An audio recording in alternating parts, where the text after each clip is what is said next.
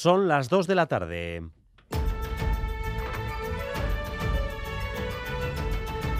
Crónica de Euskadi con Dani Álvarez. Gracias por continuar en nuestra compañía. Gracias un día más por elegir Radio Euskadi y Radio Vitoria para informarse. Durante los próximos 15 minutos vamos a hacer un repaso express para ustedes de lo esencial de la información de esta jornada de viernes. Como estábamos diciendo, un día en el que Cinemaldia está en marcha. Buscan regresar los datos de asistencia previos a la pandemia y todo hace indicar que así será si nos fijamos en el ritmo de venta de entradas eh, que vaya eh, por cerca de las 80.000. La huelga de guionistas de Hollywood impide contar con algunos de los artistas que iban a ser reconocidos en esta ocasión, pero entre el público el entusiasmo es total, como está comprobando allí Laida Basurto. Arrachaldeón, Laida. Racha León, las acreditaciones ya cuelgan sobre los periodistas y otros invitados y la fiesta del cine ya ha comenzado por la mañana con las proyecciones para la prensa de varios títulos de la sección oficial, como El perro y la garza, que es la película inaugural, y también películas de otras secciones. Así que las salas ya han empezado a llenarse. Pues espero ver una media de dos o tres al día.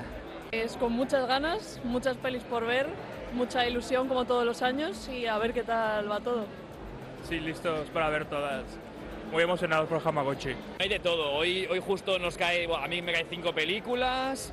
O sea, aún queda, aún queda muchísimo festival. eh. sobre todo, mira, yo tengo ganas de, de Coixet, de Un Amor, sobre todo, y la Sociedad de la Nieve hoy para Bayona. O sea, que con muchísimas ganas. La ciudad vestida de gala con más de 1.800 metros cuadrados de alfombra roja frente a los edificios emblemáticos del festival. La alfombra cubierta aún de plástico. Ha llovido por la mañana, sigue lloviendo, que se descubrirá minutos antes de la gala inaugural que arranca a las ocho y media de la tarde. Por la alfombra roja pasarán los miembros del jurado oficial, presididos por Claes Denis, que llegará por la tarde, lo mismo que los directores Todd Haynes o Fernando Trueba. Ya están aquí el actor británico Dominic West, que encarnó al príncipe, ahora rey Carlos, en la serie The Crown.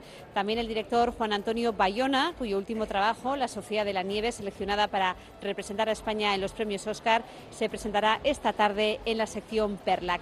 200 títulos conforman la amplia oferta de la 71 edición del Cinema al Día, que aunque no de manera oficial, ya ha arrancado y desde luego ambiente festivalero y encuentros no faltan aquí en los alrededores del Cursal. Acaba de terminar, entre otros, el primer pase de prensa sobre No me llame ternera, que va a ser una de las películas eh, que eh, vamos a analizar con calma esta tarde aquí en la sintonía de Radio Euskadi, particularmente a partir de las 7 en Gambara de la mano de Arancha García. El día va a quedar seguramente deslucido en parte por la meteorología, porque Euskalmet había activado ya el aviso amarillo por precipitaciones eh, que en las próximas horas van a ser especialmente intensas. Lo están siendo ya en algunos puntos de Vizcaya y Guipúzcoa, donde algunos de ustedes nos dicen que están cayendo chaparrones importantes, acompañados además de fuerte viento. Así que precaución en las carreteras y si quieren compartir con otros oyentes de Radio Euskadi información o avisos 688-840-840, el WhatsApp de Radio Euskadi.